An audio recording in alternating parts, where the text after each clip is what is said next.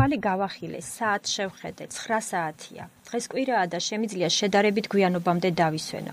ჩემთვის დილა ყავით იწება, ყავის მოდუღების ჩემი პატარა რიტუალი მაქვს. თუ დრო მაქვს ყავას თიხის მადუღარაში ვამზადებ, ნელა იხაშება და თავისებურ განსხვავებულ არომატს აძლევს. ყავა დილის სიმშვიდეში მარტო უნდა დავლიო, რომ შემდეგ ენერგიით შევუდგეს საქმეს.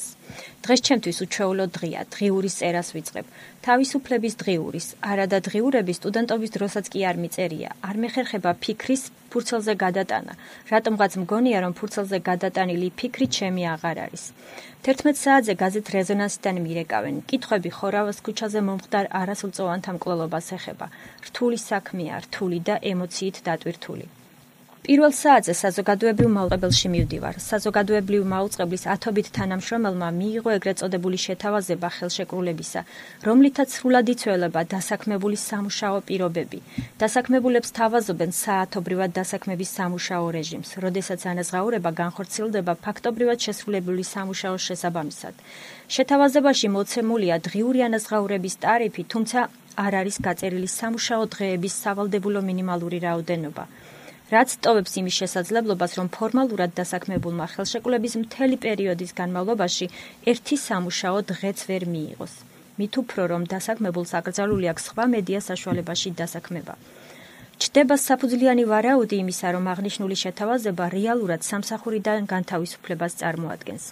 იგეგმება გამაფრთხილებელი აქცია.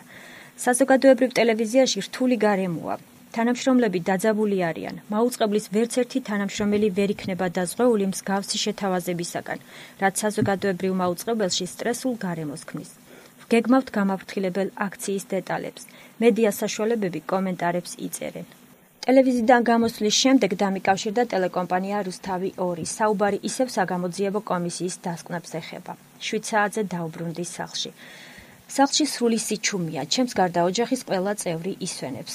რაც არ უნდა გასაოცარი იყოს, ყურძნის მურაბის ხარშვას ვიწყებ. თან ვფიქრობ, მალე სასწავლო წელი იწყება. ჩემი უფროსი შვილი მეორე კლასში გადავიდა. შესაბამისად, ჩემი დატვირთული დღე მის გრაფიკსაც უნდა მოერგოს. 3 სექტემბერი, ორშაბათი. დილით 7 საათსა და 30 წუთზე გავიღვიძეს. 10 საათზე ახალგაზრდა იურისტთა ასოციაციაში უნდა ვიყო. შეხვედრა საზოგადოებრივ ტელევიზიაში განვითარებულ მოვლენებს ეხება. სახლიდან გასვლამდე დედა ჩემს ვურეკავ, მინდა ბავშვების ხმა გავიგონდო. ლაშამ პასუხობს, მე კითხება როდის მოხვალო. მე კი უპირდები რომ ჩამოვიყვან და სათამაშოების მაღაზიაში ერთად წავალთ. ვეკითხები რა უნდა, რა ვიყიდოთ. ლაშა დიდი მონტომებით იწყებს. პულტიანი ტრაქტორი უნდა დიდი. პოლიციის მანქანა პულტიანი. ხო, კიდე თვითფრინავიც უნდა და ახლა ახალი ველოსიპედი. ტელეფონს გიორგი ართმევს და მეც მინდა ახალი ველოსიპედიო. ლაშა ტელეფონს ეცილება და მეკითხება დედა შენს ტელეფონსაც ხომ მომიტანო. ღიმილით ვუსმან ბავშვი ხალისი ანხმებს და უპასუხობ რომ ჯობია მე თვითონ წავიდე მაღაზიაში და ყველაზე საინტერესო სათამაშო ვუყიდო. ლაშა უმცროსია, 5 წლის არის. ისეთი ჯიუტია ძნელა თუ გადაათქმევინე ბრამეს. თავად იცის რისი ჩაცმა უნდა, რისი ჭამა, დამოუკიდებელია. გიორგი უფროსია, მეორე კლასში გადავიდა. ცეკვა უყარს, ქართულ ცეკვებზე დადის და დიდი მონდომებით სწავლობს.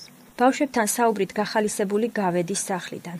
მარჯანიშვილზე სოლიდარობის ქსელის წარმომადგენლებს ხვდები და ერთად მივდივართ საიაში. გზაზე ტელევიზიაში განვითარებული მოვლენების მოსალოდნელ შედეგებზე უმსჯელობთ. შეხვედრაზე თავადი თანამშრომლებმა ისაუბრეს, რომელთაც ეს შეტყობინება მიუიდათ. ძიმე მოსასმენია. შეხვედრის შემდეგ საზოგადოებრივ მაუწყებელში წავედი, სადაც გამაფრთხილებელი აქცია იმართება. აქციაზე გამოდიოდნენ ის თანამშრომლები, რომლებიც არაერთი წელია დავდაუზოგავად მუშაობენ და ეხლა განთავისუფლების წინაშე დგანან. რთულია. შეზღუდული შესაძლებლობის მქონე პირი, რომელიც 1993 წლიდან მუშაობს ტელევიზიაში, რეჟისორია, მალე სადოქტოროს დაცვას გეგმავს. ეხლა კი განთავისუფლების რისკის წინაშეა. არადა ასეთ ადამიანებს უნდა ხელს ვუწყობდეთ დასაქმებაში. 15 საათსა და 30 წუთზე წავედი ადამიანის უფლებათა ცენტრში, სადაც მოვამზადე პრესრელიზის საზოგადოებრივ მაუწყებლის პრობლემებზე. ცენტრში მელოდებოდა მოქალაქე, რომელსაც შვილის ამეცინო პროცედურების დაგვიანების შედეგად გარდაეცვალა. ამ ხრივაც რთული მდგომარეობა. შევთანხმდით მოქმედების გეგმაზე. 8 საათზე ტელეკომპანია იბერიაში უნდა ვიყო. საუბრის თემა საზოგადოებრივ მაუწყებლის პრობლემებია. 10 საათზე დაუბრუნდი სახლში. 4 სექტემბერი, სამშაბათი. დილის 7 საათი და 45 წუთია. ყავით ვცდილობ გამოფხიზლებას. დღეს თული დღე მელის. საზოგადოებრივი მაუწყებლის მენეჯმენტს ხვდებით. სამსახურში დაგროვილ მასალას ვაწესრიგებ. ორ საათზე საზოგადოებრივი მაუწყებლის მენეჯმენტს ხვდებით. შეხვედრა ხმაურის ფონზე მიმდინარეობს. მათი არგუმენტი ეს არ არის განთავისუფლება. პირიქით, ახალ ხელშეკრულებას ვთავაზობთ. თუმცა იმასაც ხას უსვამენ, რომ იმ სამუშაოზე გაცილებით მეტი თანამშრომელი ყავთ, ვიდრე მაუწყებელს სჭირდება. ასეთ შემთხვევაში, როდესაც მეტი თანამშრომელია ვიდრე სამუშაო, როგორ მოხდება თანამშრომელთა გამოძახება? პასუხი არა აქვთ. ან როგორ მოხდა თანამშრომელთა შერჩევა? მენეჯმენტს არა აქვს დასაბუთებული არგუმენტი. საღამოს ტელევიზიაში მოდის მედიატორი, რომელიც საქმეში მშვიდობიანი გზით დარეგულირების მიზნით ჩავრთეთ. სამსახურიდან ეკა ქობესაშვილი მირეკავს. გაყინულ მოკასა და მაღაზიებს მახსენებს. სასწავლო წელი იწყება და სასკოლოდ ბავშვებისათვის მაღაზიების შემოვლა გადავწყვიტეთ. სახლში გვიან უბრუნდები და მომავალი დღის გეგმებზე ვფიქრობ. 5 სექტემბერი, 4 შაბათი. დილით სამსახურში განცხადებებზე ვმუშაობ, დამიგროვდა სამუშაო. ვეღარ მოვახერხეს ასჯალახსვლების დაწესებულებაში ვიზიტი და მხდება თხოვნები მონახულებაზე. კალენდარს ვუყურებ და ვგეგმავ დაახლოებით როდის შევძლებ მონახულებას. ტელეფონზე მეუღლე მირეკავს, მეკითხება საღამოს როდის მომაკითხოს, გადავწყვეტეთ საღამოს მეგობრები მოვინახულოთ. ორ საათზე საზოგადოებრივ მაუწყებელში პრესკონფერენციას ვმართავთ. საზოგადოების მიმდინარე პრობლემებს ვაცნობთ. საზოგადოებრივი მაუწყებელი, რომელიც ყველა ჩვენგანის საკუთრებაა, უნდა იყოს სანიმუშო, სამართლებრივი თუ საზოგადოებრივი პასუხისმგებლობის კუთხით. მენეჯმენტი 53 მილიონი კრედიტის აღებას გეგმავს. ბორდმა თანხმობა განაცხადა, მაგრამ 5 წელიწადში როგორ მოხდება ამ კრედიტის დაფარვა, გეგმა უცნობია.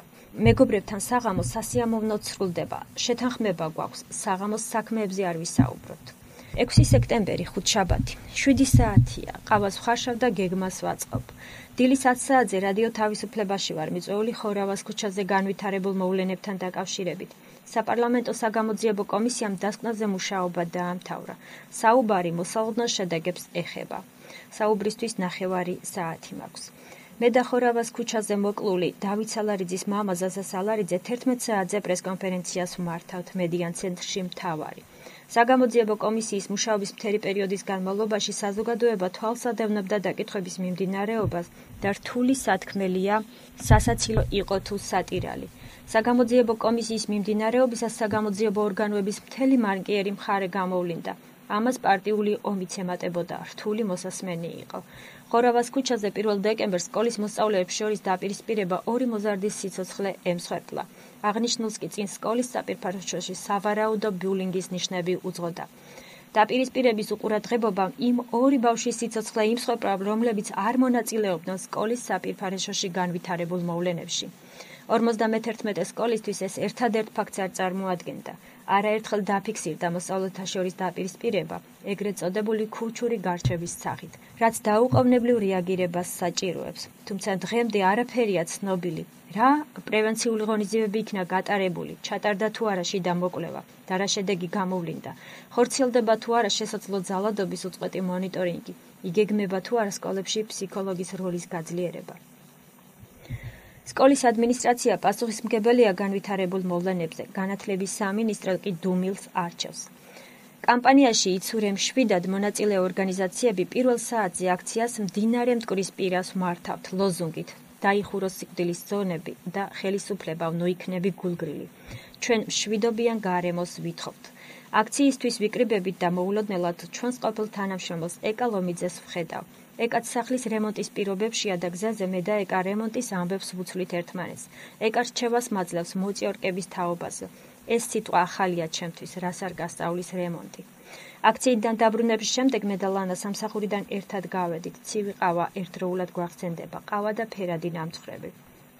7 სექტემბერი, პარასკევი. დილით სამსახურში ეკამხდება. დიდი ხანია ვერ ვემთხოვით ერთმანეთს. ყავის ფონზე ერთმანეთს გეგმებს ვუცვლით. დილა სასიამოვნოდ იწყება. მთელი დღე სამსახურში გავატარე კონსულტაციების სხვადასხვა თემაზე, ძირითადად სოციალური პრობლემების ჭარბობს. საღამოს მეგობარს ვესტუმრეთ, რომელიც ოჯახის ახალი წევრის მოლოდინშია. 8 სექტემბერი, შაბათი. დილით გვიან ვიღვიძებ. ტელეფონის ზარი მაფხსლებს, დედა მირეკავს და ბავშვების მოუსმენრობაზე მეწუწუნება, არ მიჯერებენო. ორივე ბებიამ გაზარდა, თავისებური ურთიერთობა აქვთ, ვერ ძლებენ ერთმანეთის გარეშე. დედაჩემს გიორგი და ლაშა ბებეს ეძახიან, რაც სვანურად ბებიას ნიშნავს. სასიამოვნოდ მახსენდება, რომ დღეს შაბათია და შემიძლია ძირითადი დრო ოჯახს დაუთმო. დღეს მეუღლის მამი და შვილის შვილი, პატარა ვაჩე უნდა ვინახულოთ. იქამდე კი გიორგის სასკოლო სამზადისი უნდა დაავასრულო. რამდენიმე ნივთი დამრჩა შესაძენი.